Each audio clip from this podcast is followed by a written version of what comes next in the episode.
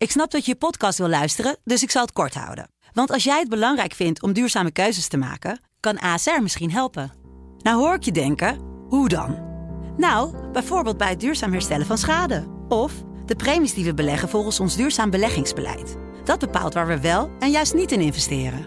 Wil je meer weten over welke duurzame keuzes ASR maakt? Ga dan naar asr.nl slash duurzame keuzes. ASR doet het.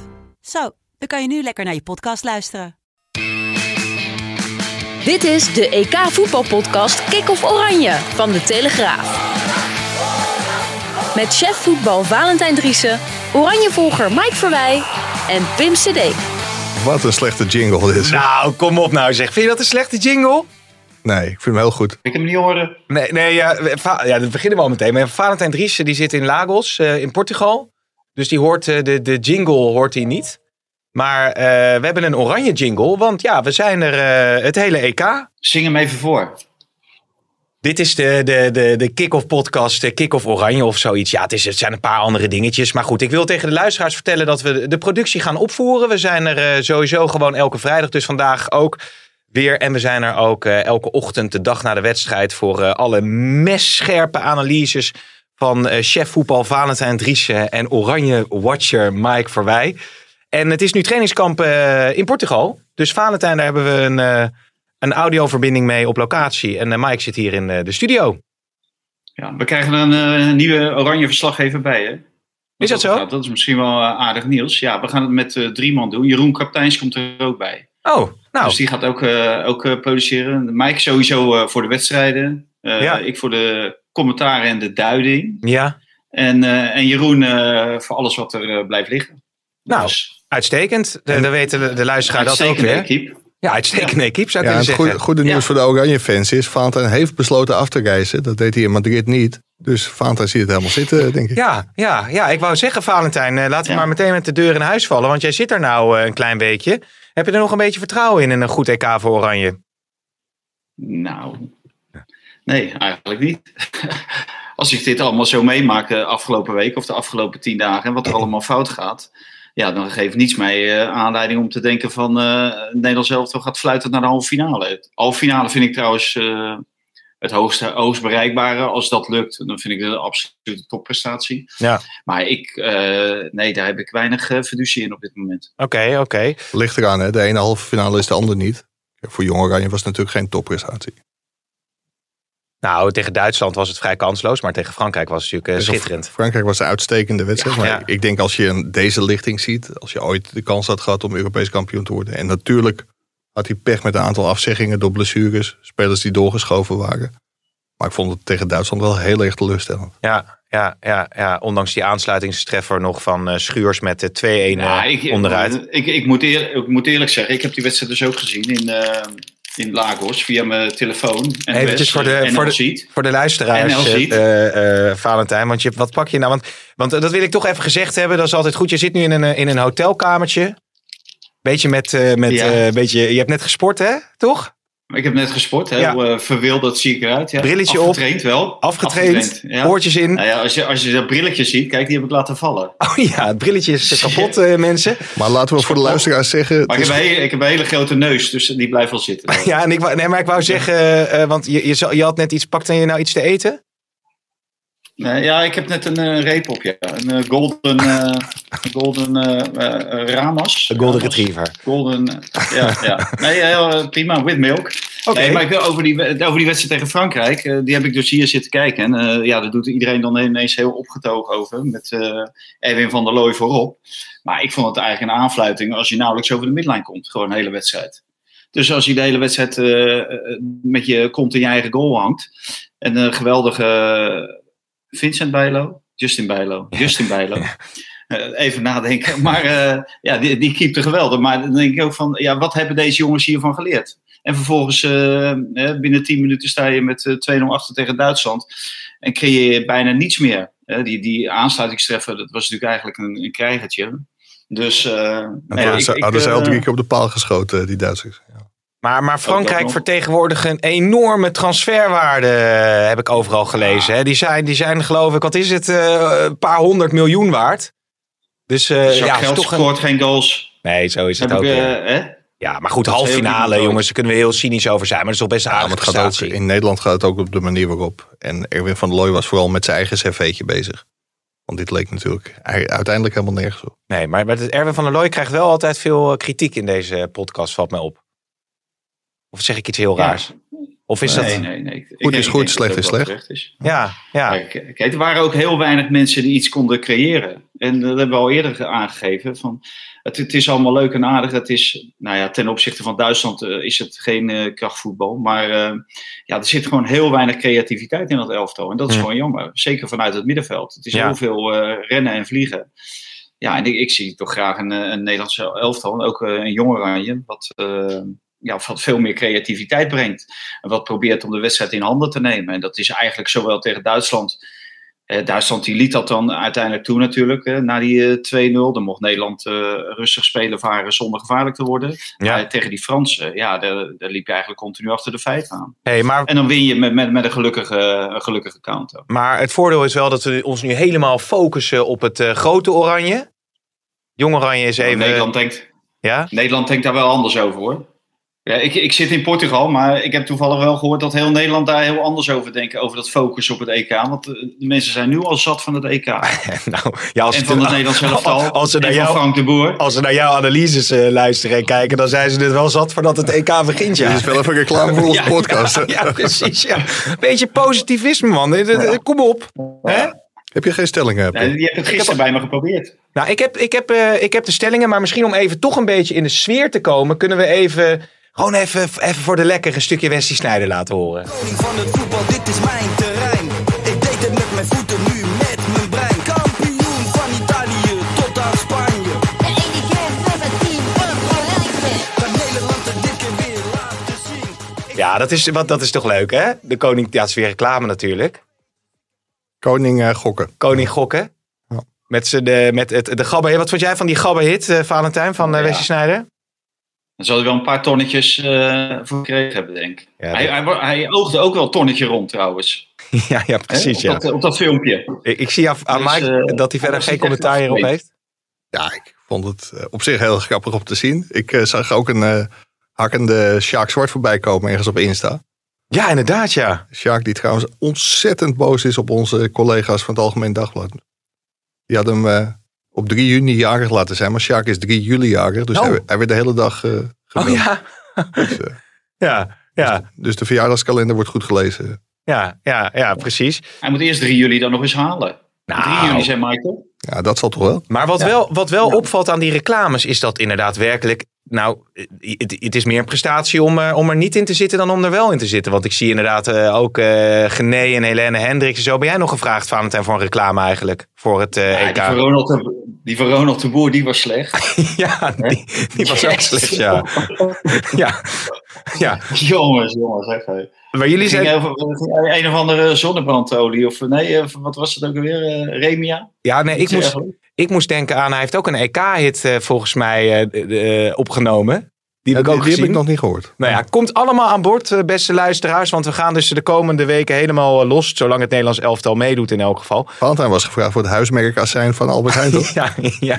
nou dat zou, eh, dat zou goed zijn, ja. Voor een jaar gratis Alisson bij de bakker. Maar laten we naar, laten we naar de stellingen gaan. Eh 5-3-2 is een ingewikkeld systeem. Oneens. Eens. Timber moet in de basis bij Oranje. Oneens. Eens. Stekelenburg moet in de basis bij Oranje. Oneens. Eens. Oh, één misstap van Ronald Koeman en dan is zijn baan bij Barcelona is hij alsnog kwijt. Oneens. Oneens. Huntelaar moet nog een jaartje aan zijn carrière vastplakken. Eens. Eens. En eh, Ajax moet per schuurs laten gaan. Oneens. Oneens. Oké, nou zullen we nou eventjes doorpakken op het Nederlands elftal. Laten we eerst even dat 5-3-2 eh, erbij halen. Even een fragmentje eh, na de wedstrijd tegen Schotland en hoe Frank de Boer daarover sprak. Het gaat erom dat wij eh, wel dit systeem kunnen spelen in ieder geval. Dat hebben we tegen Italië laten zien. En het is ook niet eh eh Dabra hoor. Eh, heel veel jongens spelen dit ook. eh, we hebben dit al gespeeld. Barcelona heeft het eh, gespeeld. Ja, de Stefan de Vrij eh, heeft het heel veel ge- gespeeld. Dus het is... eh, we moeten het ook niet moeilijker maken dan het is. Nee, ja. We hebben het in de video ook al even over gehad, eh, Valentijn.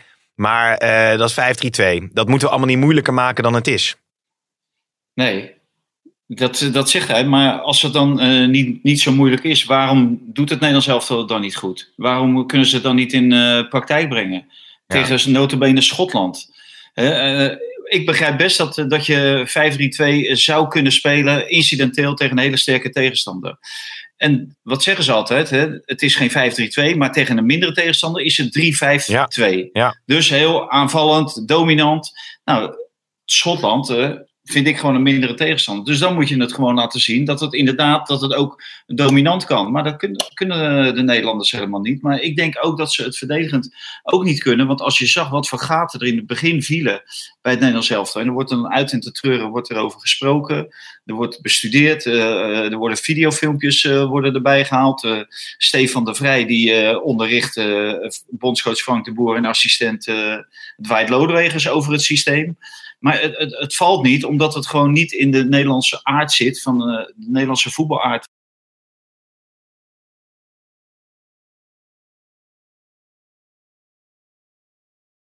En dat is gewoon heel moeilijk. En als ik dan eh Matthijs de Ligt zie verzuipen, dan krijg ik gewoon medelijden met die jongen. Hm. Ja, ik denk dat het dodelijk ook in één zinnetje van, eh, van Stefan de Vrij zat. En dat was dat eh, Inter er twee jaar mee bezig was geweest om dit in te slijpen. Ja, en waarom zou het Nederlands elftal dan zo snel... Frank de Boer klaagde altijd dat als hij zijn internationals bij zich heeft... dat hij dan eh, hooguit een kwartiertje, een half uurtje, drie kwartier kan trainen. Hij krijgt ze altijd als ze uit competitiewedstrijden komen. Dus bij hun club vandaan. Ja, nu heeft hij ze dan wat langer bij elkaar. Maar het zag er echt niet uit. Nee, maar hij zegt wel eh, ook in die persco van ja, spelers zijn bij hun clubs ook gewend om eh 5-3-2 te spelen. Nou, Koeman heeft het ook wel eens gedaan bij, bij Barcelona. Dus in die zin is het een systeem waar ze mee uit de voeten zouden moeten kunnen. Ja, het is in feite een, een, een, een makkelijk systeem als je heel defensief eh, mag voetballen. Dus Ja. als je alleen maar hoeft af te wachten. En dan, eh, want het is gewoon een reactiesysteem. En als jouw tegenstander dan wil voetballen en die, die probeert dominant te zijn en ze- zij zoeken jou op, ja, dan is het een makkelijk systeem, want dan kan je er snel uit. Maar 9 van de 10 tegenstanders van het Nederlands elftal, en daar hoort Schotland bij, daar hoort zondag Georgië bij, maar daar horen ook de eerste drie tegenstanders op het EK bij. Eh, eh, Oekraïne, Noord-Macedonië en Oostenrijk, die gaan alleen maar achteruit hangen. Nou, Ja. en dan moet jij het spel zien te maken. En dat werkt altijd nog het beste met alle posities bezet. En daar is een 4-3-3 is daar ideaal voor. Hey, en toen Nederland Europees kampioen werd in 88, toen speelden ze toch 4-4-2 of niet? Ja, min of meer. Nee, to- toen speelden ze, hoe heet dat, toen leek het een een 4-4-2 formatie, maar alle posities waren bezet. Het was, het was alleen niet zo dat Ruud Gullit bijvoorbeeld in de spits speelde. Hè? Ruud Gullit die speelde bijvoorbeeld van, van, vanaf de rechterkant. Of Erwin Koeman, dat is een middenveld, die speelde van de linksbuitenkant. Ja, ja. Het is een, een middenvelder die je dan linksbuiten zet. Hè? Dat was hetzelfde als toen, toen Cruijff bij Feyenoord speelde met Stanley Bart eh, als linksbuiten. Kijk, je, je- kan daar... eh, het, het gaat om welke invulling je er Ja. geeft aan die 4-3-3. Maar het gaat om dat er al die posities bezet zijn. En Ja. van daaruit ga je, ga je voetballen. En dan ja, je bedoelt, veel je bedoelt dat, dat, de, dat, dat, je, eh, dat, dat, dat de flanken goed bezet zijn, dat je over het hele Ja. veld goed gepositioneerd eh, staat. Ja. Zeg maar. Zodat je overal driehoekjes kan, kan maken, zeg maar. Dat, ja. dat is dan de heilige graal. Ja, dat is. Ja, maar er, er wordt natuurlijk wel eens gezegd, eh, Mike, dat, dat, dat, dat wij, of wij, dat, dat, dat, dat die hang naar dat 4-3-3, dat dat misschien een beetje Naïef. overdreven is. Nou ja, dat het een beetje gecultiveerd wordt, zeg maar. Ja, maar hier is Nederland groot mee geworden. Hierdoor ben je onderscheidend. En ik vind dat eh 4-3-3 altijd het uitgangspunt moet, eh, moet zijn. En natuurlijk kunnen er bepaalde wedstrijden zijn waarin je toch kiest voor 5-3-2. 3-5-2, hoe je het noemen wil. Tegen sterkere tegenstanders. Mhm. Maar tegenstanders als Schotland, Oekraïne, Oostenrijk, Noord-Macedonië. Gewoon 4-3-3, volle bak. Dan kan Nederland dominant spelen. Dat, eh, Ja, ik, ik denk dat de keuze Ja, niet kijk, zo het, het- dat, is- ja, dat, dat, dat zijn wat Mike zegt. Ja, het, het zijn oefeninterlands. En waar oefen je voor? Je oefent voor die eerste drie wedstrijden. Je oefent nu niet voor de halve finale van, eh, van het EK. Je moet eerst die drie wedstrijden goed doorkomen. En als je eerste wordt in de pool, dan heb je kans op een, eh, een mindere tegenstander in de achtste finale.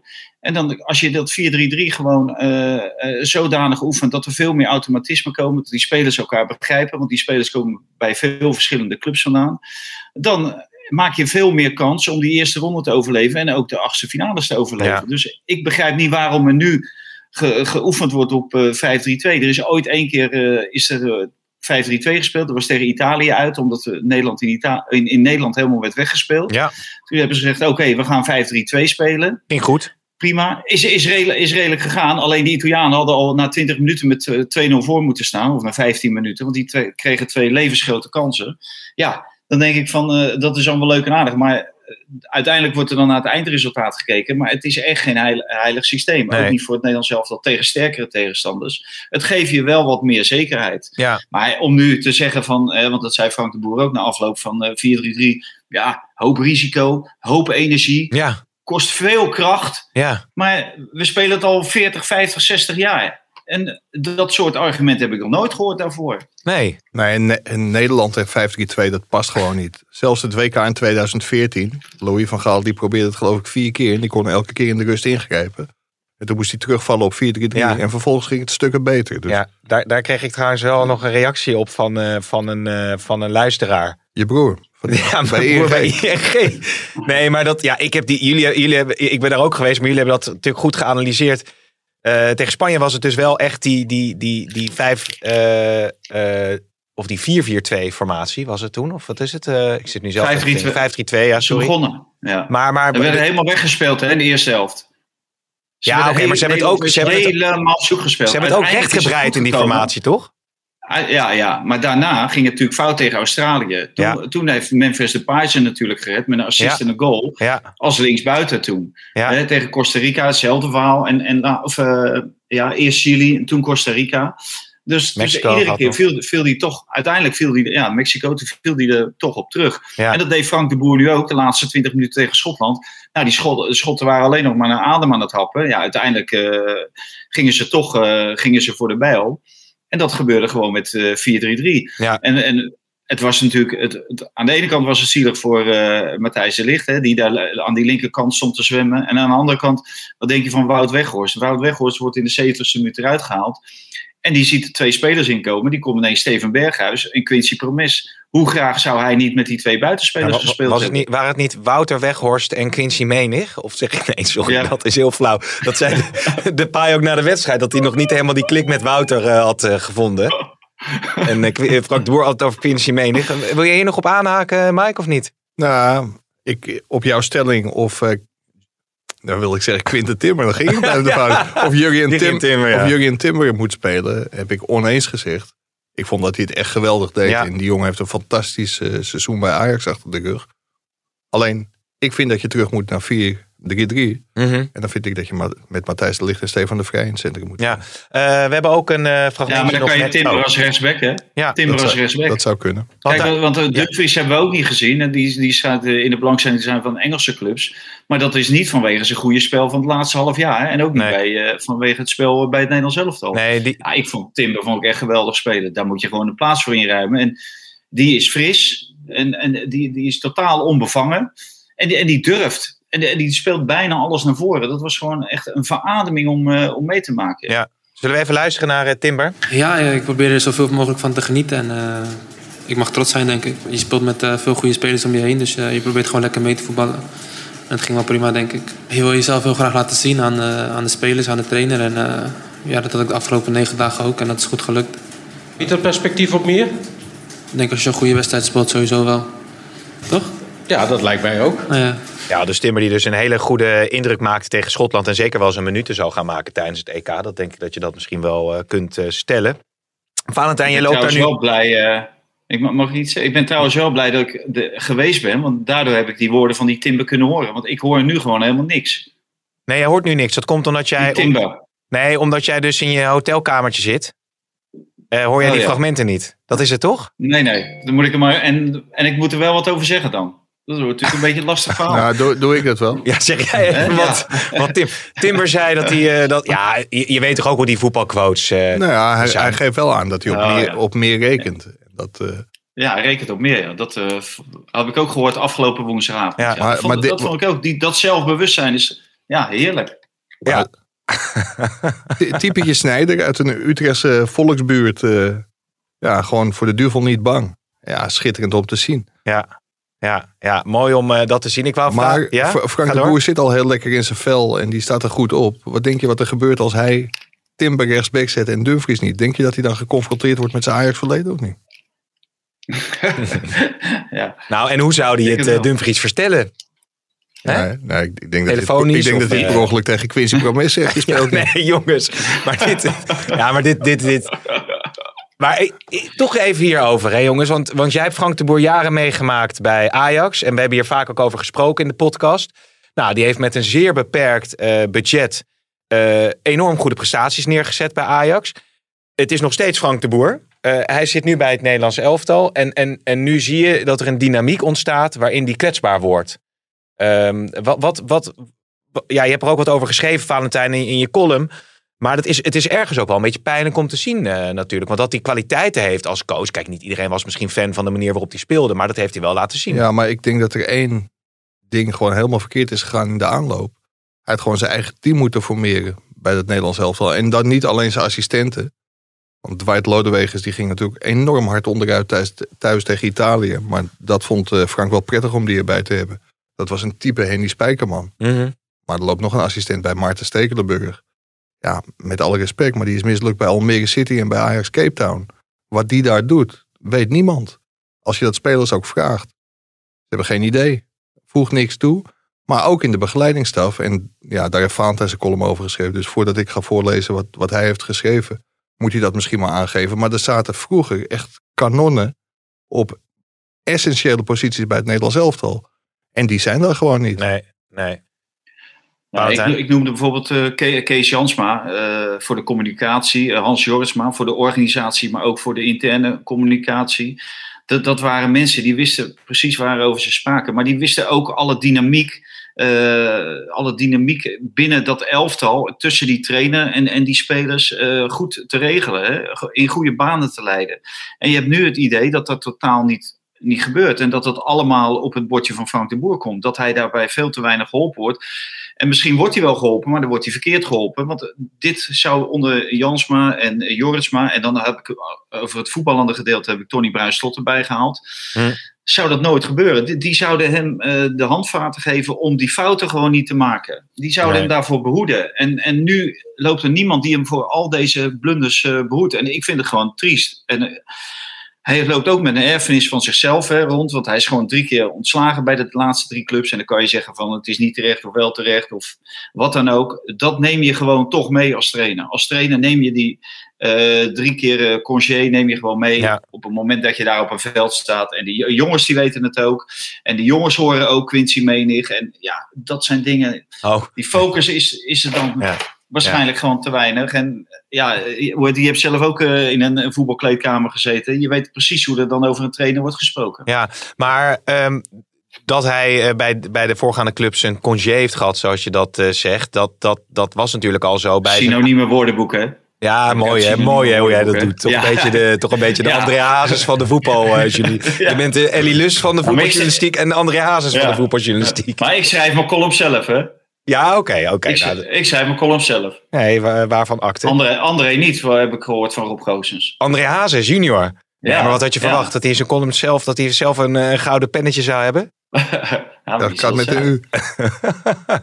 Maar, iets anders gouds vast het meisje. ja, ja, nou, exact. Maar goed, eh, wat ik wou zeggen, ja, dat wist de KVB natuurlijk ook al toen ze hem aanstelden, dat het een, eh, in die zin een kwetsbare eh, trainer was. Nou, wat, wat ik een beetje het idee heb, is dat Frank kreeg zoveel vragen over zijn verleden bij zijn aanstelling. En toen zei hij ook van ja, maar ik ben gevraagd. En het leek wel of hij zich moest verontschuldigen dat hij bondscoach was geworden. En ja, dat was natuurlijk ook niet terecht. Want hij heeft bij Ajax wel heel goed gepresteerd. Ook met heel matig, eh, matig materiaal. Alleen wat volgens mij nu aan, aan de hand is, is dat hij zo onzeker is. Je krijgt echt het idee dat je iemand ziet die op eieren loopt. Ja. Ja, en dat hij toch echt heel erg onder hoogspanning staat. En Ja. dan neem je over het algemeen niet je allerbeste beslissingen. Heeft eh, Van Nistelrooy eigenlijk nog een beetje een positieve invloed als eh, assistent-coach? Dat is natuurlijk wel iemand ook eh, gepokt en gemazeld in het eh, topvoetbal. Hoe, eh, Als hoe- speler. ja, maar wat merk je Als daar? speler is hij eh, gepokt en gemazeld. ja. Ja, niks. Niks. Maar ik Nee, wil... ik heb, gisteren, gisteren heb ik bij die training staan kijken en eh er speelden de reserves. Ja, en dan verwacht je misschien wel een bepaalde inbreng van Van Nistelrooy of van Stekelenburg. Dat, dat ze de jongens op scherp zetten, dat ze er vol mee bezig zijn. Dat ze vol in die partij zitten van, de, van die jongens. Ja, dat heb ik, dat heb ik niet gezien. Kijk, ik weet nog heel goed, eh, Guus Hiddink had eh, Johan Neeskens eh, bij zich. Ja. Nou, die Johan Neeskens die ging tekeer, man, op die trainingen. Werkelijk waar. En die, en die gasten vonden het geweldig. En die, die, die hingen aan zijn lippen.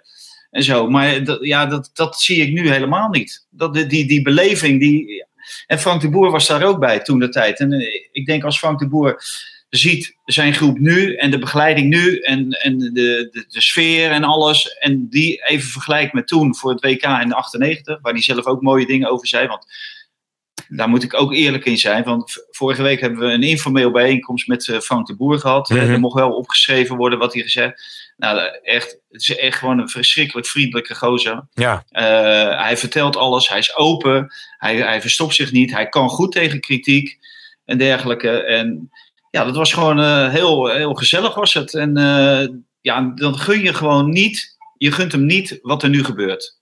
Nee. Dus, Nee. Maar als, als, als, hij, als hij zijn groep ziet trainen en, en de beleving bij dat partijtje, dan denk ik van ja, daar mag wel wat meer beleving. Degene die veel beleving hadden, dat was eh, Berghuis en Luc de Jong. Nou, dat zijn niet toevallig de, de twee mensen die natuurlijk strijden voor een plek. Ja. Berghuis wil dolgraag spelen. Die is al twee jaar bezig met dat Nederlands elftal. En we gaan in voorbereiding op het EK en de, en de buitenspelers vallen eraf. Dus die wil wel laten zien dat het Nederlands elftal met buitenspelers moet spelen. Luc de Jong die is er iedere keer bij. En de eerste de beste interland met Wout Weghorst erbij. Die eh, tot dusver altijd eh, links is. eh, die altijd... Hoe noem je dat? Hoe zeg Ja, die, die, Die- de boer altijd links heeft laten liggen.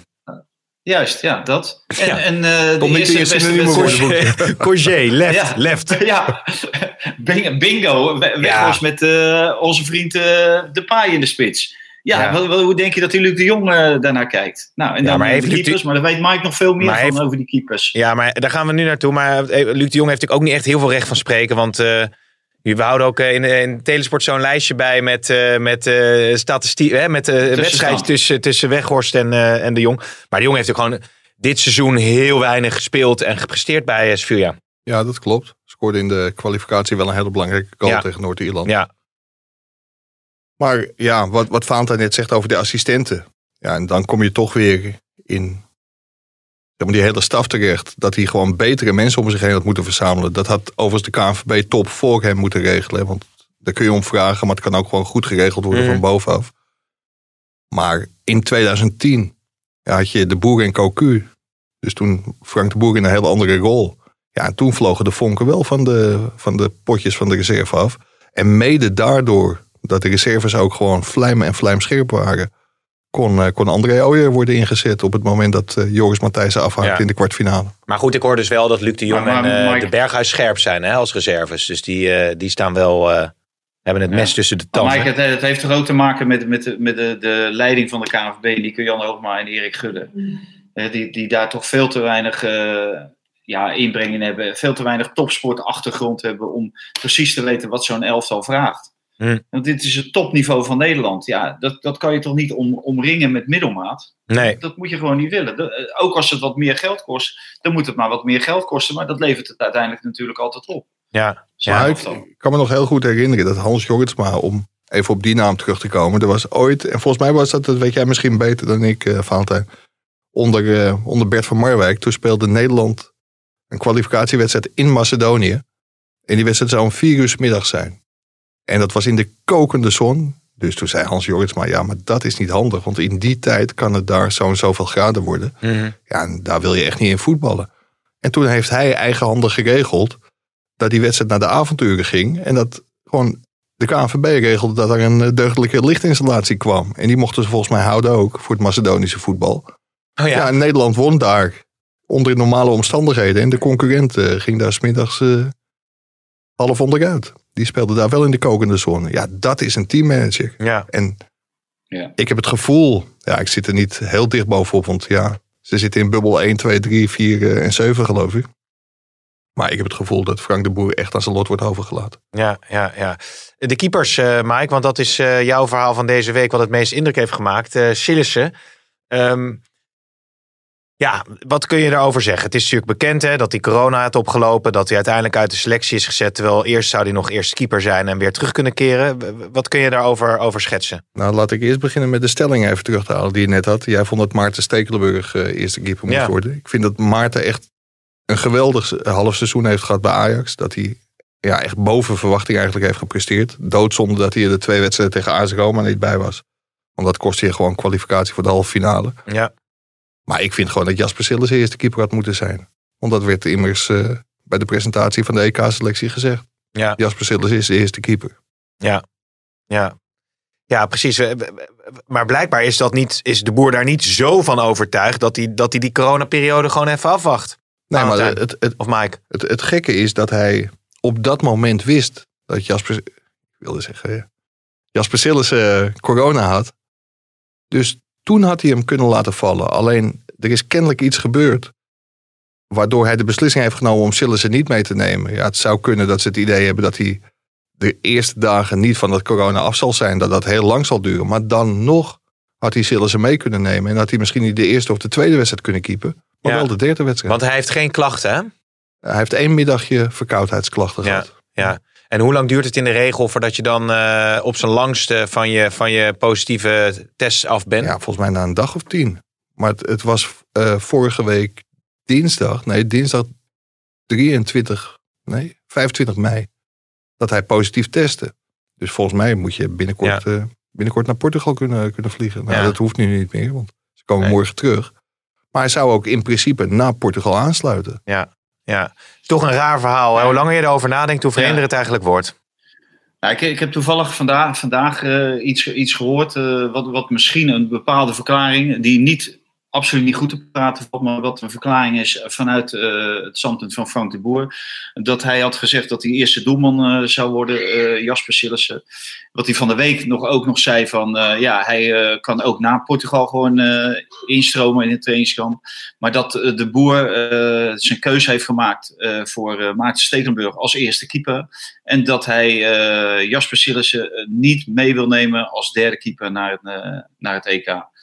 Omdat hij, hij vermoedt dan dat er dan eh, ja, dat, dat, dat Jasper daar eh, niet mee om zou kunnen gaan. Nou ja, zo goed ken ik Jasper niet. Eh, ik weet wel toen Nederland zelf al volgens mij tegen Costa Rica de penalty-serie moest nemen en Louis van Gaal samen met Frans Hoek Jasper Sillissen eruit haalde. Ja. Eh, dat hij eh, heel veel moeite had eh, om daar een rol in te kunnen spelen. Hè, de, Mike en ik hebben het daar ook nog over gehad, wat er toen allemaal gebeurd is.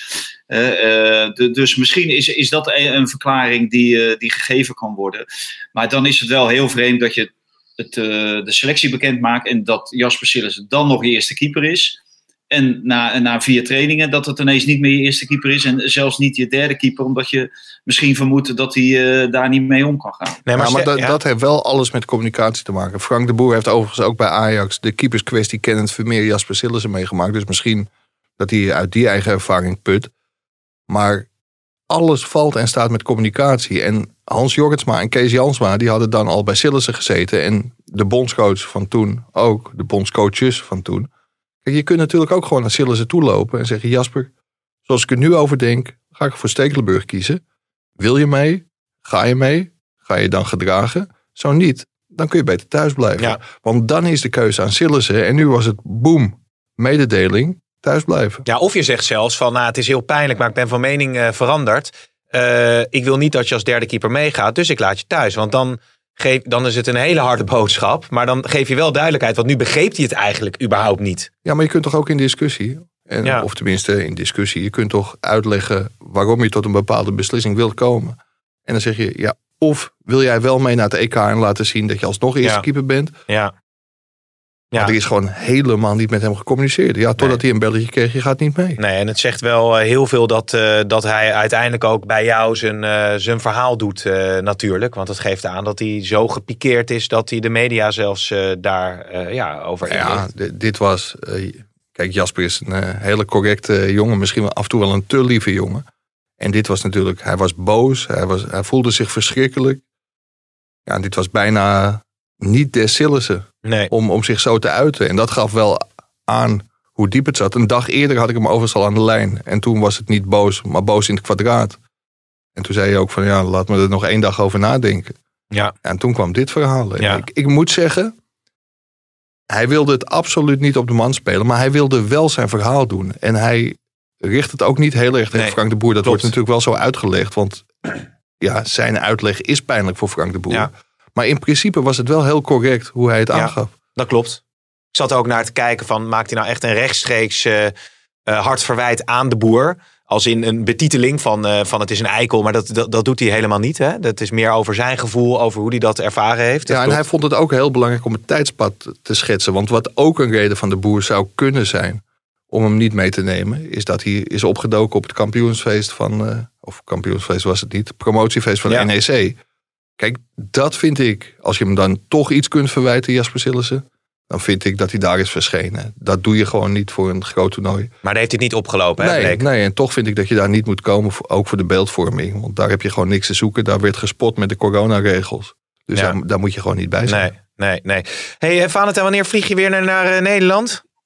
Ehm, als ik eh, goed geïnformeerd ben, heb ik morgen een 11 uur een, eh, mag ik een kwartier kijken naar de training. Maar dat is voornamelijk een training voor de cameramensen en voor de fotografen. Ja, En dan is er om kwart over twaalf een eh, persconferentie met Frank de Boer en een speler op weg naar de oefenwedstrijd tegen Georgië. En wat, Ja. wat natuurlijk wel een hele interessante wedstrijd wordt, omdat wat gaat hij nou proberen? Gaat hij nou 4-3-3 proberen of gaat hij door op het 5-3-2 pad? Want je treft weer een hele zwakke tegenstander met, met Georgië. ja. En moet je dan 5-3-2 spelen? In feite zou je zeggen, je moet 5-3-2 spelen, want je hebt A gezegd, dus je moet ook B zeggen.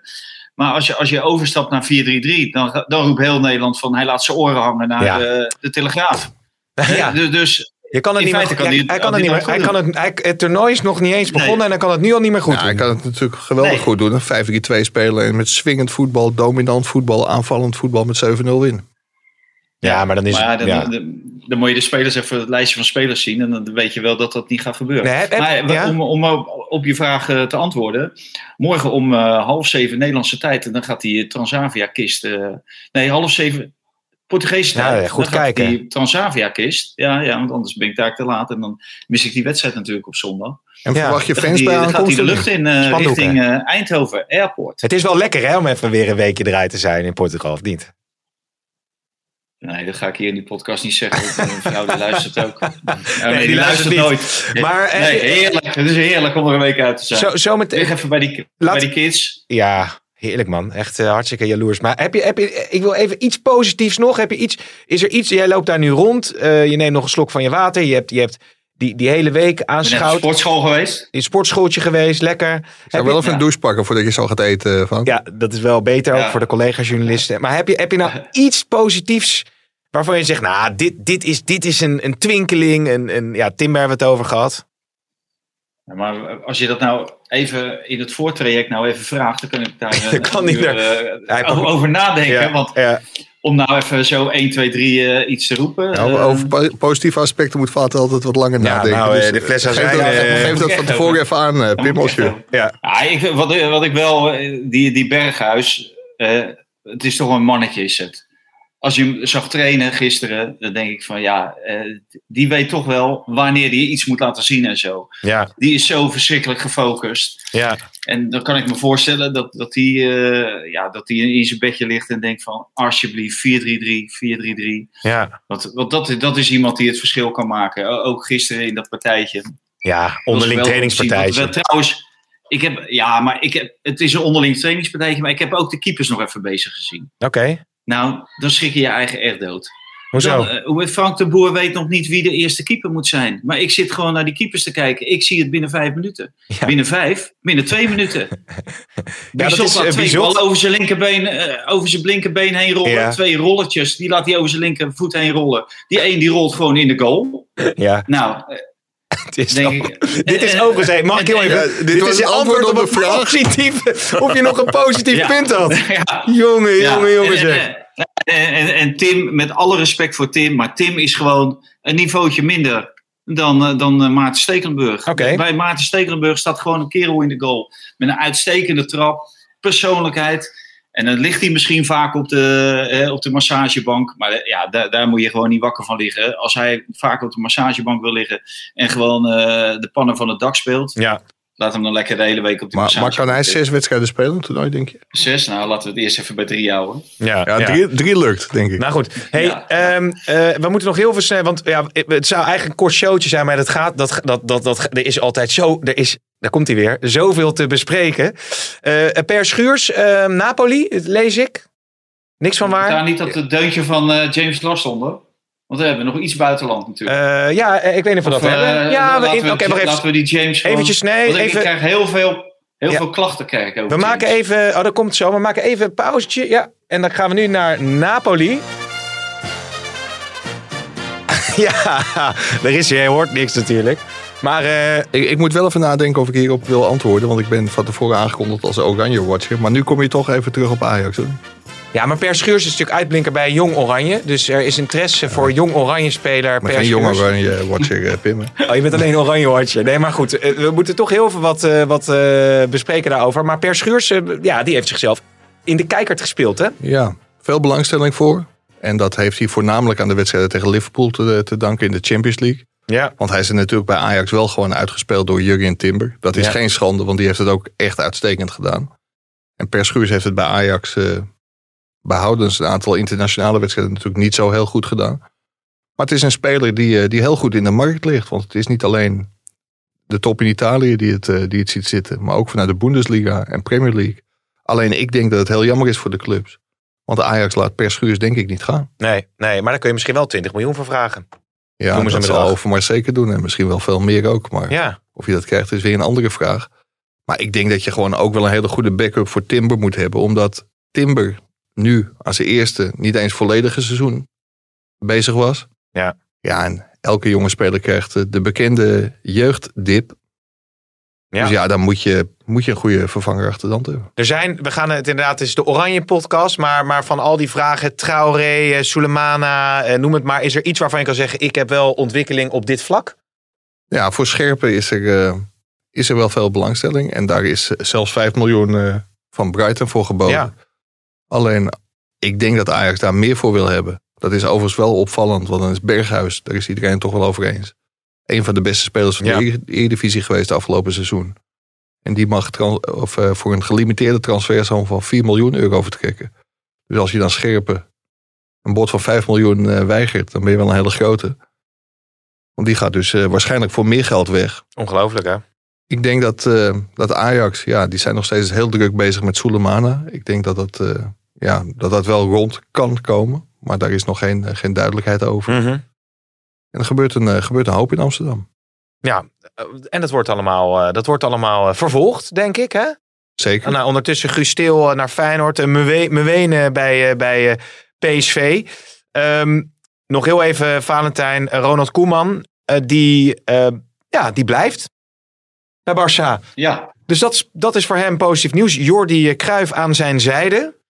Als, als joker geloof ik, had Laporta gezegd. Of eh, kan eventueel ingezet eh, worden. Ik hoorde een nieuwtje vandaag. Ik weet niet of dat, eh, of dat klopt. Ik kan ook niet zeggen van wie. Want dan eh, geef ik een eh, hele goede bronprijs. Maar het schijnt dat Rob Jansen het geweldig goed heeft gedaan. Want ik hoorde dat Ronald Koeman, als hij zou worden ontslagen, niet 7, zoals eerder werd gesuggereerd, maar 12 miljoen euro mee zou krijgen. Dus dat was zelfs Barcelona te gortig. Oh ja. En het is meer en meer dan verdiend dat Ronald Koeman nog een kans krijgt. Want hij heeft het natuurlijk naar Ze hebben omstandigheden. natuurlijk al heel veel voor hem betaald, hè, Mike? Ja. Ja. De KNVB Ja. toen de tijd. Maar dus eh, dat is een heel dure werknemer zou het eh, zijn. En naar omstandigheden Maar, eh, heeft hij het natuurlijk ook gewoon goed gedaan. Hoe heet dat? Onze eh, chef, eh Massa van der Kraan, die, die heeft eigenlijk eh, bijna continu op het goede paard gezeten. Of die heeft er continu op het goede paard gezeten. Want die heeft eigenlijk vanaf het eerste moment, hè, die, had, die had dan ook nauw contact met de partijen, gezegd van, dat hij dat hij dat volgend seizoen gewoon zou blijven zitten. Ja. ja, ja, ja. is het handig alles trouwens? wat er zou gebeuren. En, want, want de Koeman wilde zelf, en nou, Mike geeft de reden wel. dat is natuurlijk de reden waarom hij zelf niet Nee. de, de knuppel in het hoenderhok heeft gegooid. Maar is het handig om dan eh Wijnaldum en eh Depay eh, te halen? Want dan heb, zit je weer met die Nederlanders in je team. En of dat nou de spelers zijn die je uiteindelijk eh, de titel in Spanje gaan bezorgen. Dat is natuurlijk... Nee, maar er komen wel meer aankopen. En dit zijn natuurlijk wel. Barcelona heeft niet veel geld. Het zijn transfervrije spelers. Ja, Spelers die hij kent. En Valentijn had het net over de filosofie van Tony Bruinslot. Schreef het ook in zijn column. Ja, het zijn wel spelers die elkaar aanvoelen. Nou ja, dan kun je erover twisten of je dat, die tandem uit elkaar moet trekken of niet. Frank de Boer deed dat wel. Maar het is wel handig om in je team ook spelers te hebben die, die elkaar aanvoelen. En dit zijn natuurlijk niet eens koopjes, want je haalt ze gratis op. Je betaalt ze wel een, eh, wel een heel goed salaris. Maar dit zijn natuurlijk buitenkansjes. En er zullen echt nog wel grotere aankopen komen ook. Ja. Zo mooi. Komt zelfs een vraag binnen. Kom op Mike, tijd voor wat breaking. Dus mensen verlangen echt, echt weer naar een primeurtje van je. Maar je hebt deze week ook Sillissen gehad natuurlijk. Dus wat dat betreft eh, Tijd om te compenseren. tijd om te compenseren inderdaad. Ehm, ja, nou ja, goed. Huntelaar, gaat die al compenseren of gaat hij daadwerkelijk naar de graafschap? Dat is natuurlijk de vraag. Want die hebben al een lijntje uitgeworpen naar hem. En ze gaan met elkaar praten. Ja, natuurlijk moet hij. eh, wa- wat je van voetballers hoort die gestopt zijn. En sommige voetballers ook die ge- te vroeg gestopt zijn. Je kunt maar één keer stoppen. En Ja. Huntelaar, geweldige gozer, voetbaldier. Ja, volgens mij gaat hij nog steeds eh, met een Ajax pyjama naar bed. En met een bal onder zijn arm. Ja, Ja, die moet gewoon net zo lang doorvoetballen. Dacht Robben anders over, dat je maar één keer kan stoppen. Ja, Oh, ja. ja. precies. zijn uitzonderingen. Maar de- die heeft dit seizoen niet heel veel gespeeld. En je ziet wat er gebeurt als je stopt en daarna weer gaat beginnen. Dan was Robin natuurlijk altijd wel een beetje blessuregevoelig. Maar als je op de leeftijd van Huntelaar nu gaat stoppen en over een jaar beslist van ik kan eigenlijk helemaal niet zonder. Ja. Ja, dan zit er zoveel roest op, dan heeft het geen zin meer. Dus ik denk doorvoetballen tot je erbij neervalt. En dan, eh, als het echt niet meer kan, dan is het vroeg genoeg om te stoppen. ja, ja nou ja. Ik, ik heb trouwens wel nieuws. ja? Oh, heb je nog nieuws? Ik heb ja, ja, ja, ja. ja. Ik, eh, ik, ik lees nu de krant van morgen, heb ik nu voor me. Want ik, ik word net gevraagd of ik toch nog een openingetje het Nederlands elftal eruit kan peuren. Maar ja, er, er is vandaag eh, alles is dicht. Dus het wordt een heel, heel moeilijk verhaal. Maar eh, de rubriek op de spits, Luc of Wout, Ja. staat, is de tussenstand 5-6. Nee, dat kan niet. Dat gaat, Dat kan dat niet. gaat heel hard. Het stond toch 1-1? Nee. ja, het stond 1-1. Het is enorm gescoord. Ja, wie Ja, gaat- dat, dat, eh, dat, heb je, dat heb je natuurlijk met spitsen. Ja, wie- wie gaat dan die eerste je, kijkt even niet. We- Weet je wat Ja. nou het vervelende voor de lezers is? Dit is gewoon een, een standaard eh, schabloontje. Ja. En die maken ze gewoon zo direct Oh. 2-1 van. Dus Valentijn maakt een heleboel lezers blij met 6-5. Wat gewoon morgen in de krant, denk ik, 1-2. Ja, ja, dat denk ik ook. Nou ja, de graafschap, eh, of hoe heet het, eh, Schöne misschien nog naar NEC, hè? Zag ik. Maar goed, we gaan rustig naar een afronding. Eh, kan eh, Mike, kan hij later naast die van eh, Barretto zetten? oh god. Wil jij nog wat kwijt verder? Moet je nog, heb je nog, eh, nog iets wat je Nee, dat ik ontzettend veel zin heb eh, in het EK. Ja, ik ook. En dat, ja, dat we echt gigantisch hopen dat het langer duurt dan drie wedstrijdjes met het Nederlands Dat elftal. zal toch wel. Dat Ja, zal in, toch in wel. deze pool zou het een topprestatie zijn om uitgeschakeld te raken. Maar als ik de wedstrijd tegen Ja. Schotland zag, dan ben ik nog niet heel Ja. hoopvol. En eh, Valentijn, nog, eh, nog iets eh, wat je kwijt Nou, wil? ik, ik, ik, ki- ik kijk er ook eh, verschrikkelijk naar uit. Maar ik vind ook dat eh, wat we allemaal gaan doen eh, met John Heitinga onder andere. Ja. Hè, een eh, show. Dat misschien dat jij dat even kan. eh, want jij hebt van de week, van de week eh, aan mij een programma gestuurd. Wat we Zeker. allemaal gaan doen. En ik, ik denk dat dat eh, een heel interessant eh, EK wordt. Ja, voor de luisteraars inderdaad. We komen dus eh, zo'n twee keer per week met de, de podcast eh, Kick-Off Oranje. Eh, we komen op de wedstrijddagen sowieso met een live show vanuit onze studio. Met eh, ja, oud-international en trainer van, eh, van Jong Ajax. eh, niet eens over gehad, eh, Johnny Heitinga. Dus dat is eh, hartstikke leuk. We hebben ook nog dagelijks een... Mag eh, jij een- Johnny zeggen? Ja, sinds kort. Ik heb een... nee, John? John? John? John. John. Is goed dat je, is goed dat, je dat even zegt. Want dan had ik natuurlijk bedoel, even later Jantje. Smit was Jantje Smit, is nu gewoon Jan Smit. En Johnny Heitinga is nu gewoon voor jou, John. ook voor jou, John Heitinga. John Heitinga Ja. en Frenkie Rijkaard. Maar dat ehm, eh, gaan we dus doen. Dagelijkse EK-flits met de gekke roddeltjes en dat soort dingen. Hebben we ook gewoon voor de vrouwelijke kijkers. Video. Ja, en, ja, dat, en daar begint Maar het nu pas. sluit je dus wel een hele grote groep uit. Je bent gewoon aan het cancelen, man. En- waarom is dat alleen voor de vrouwelijke kijkers? ja, ja? Dit is zo ja, dat zijn van die, van die, Nee. van die eh, ja, dat van zo'n rubriekje. Dat, Cancel, cancelcultuurtje, Nee, zou Jij ik doet eraan mee. Dat, vind ik echt zo. dat zou ik niet durven. Dat zou ik niet durven. Ik zeg, eh, eh, alle, en, en natuurlijk als jullie deze podcast luisteren, kun je altijd op je favoriete podcast app kun je een recensie achterlaten. Die mogen wel wat omhoog. Hè? Over het algemeen. Afhameren scoort hoger.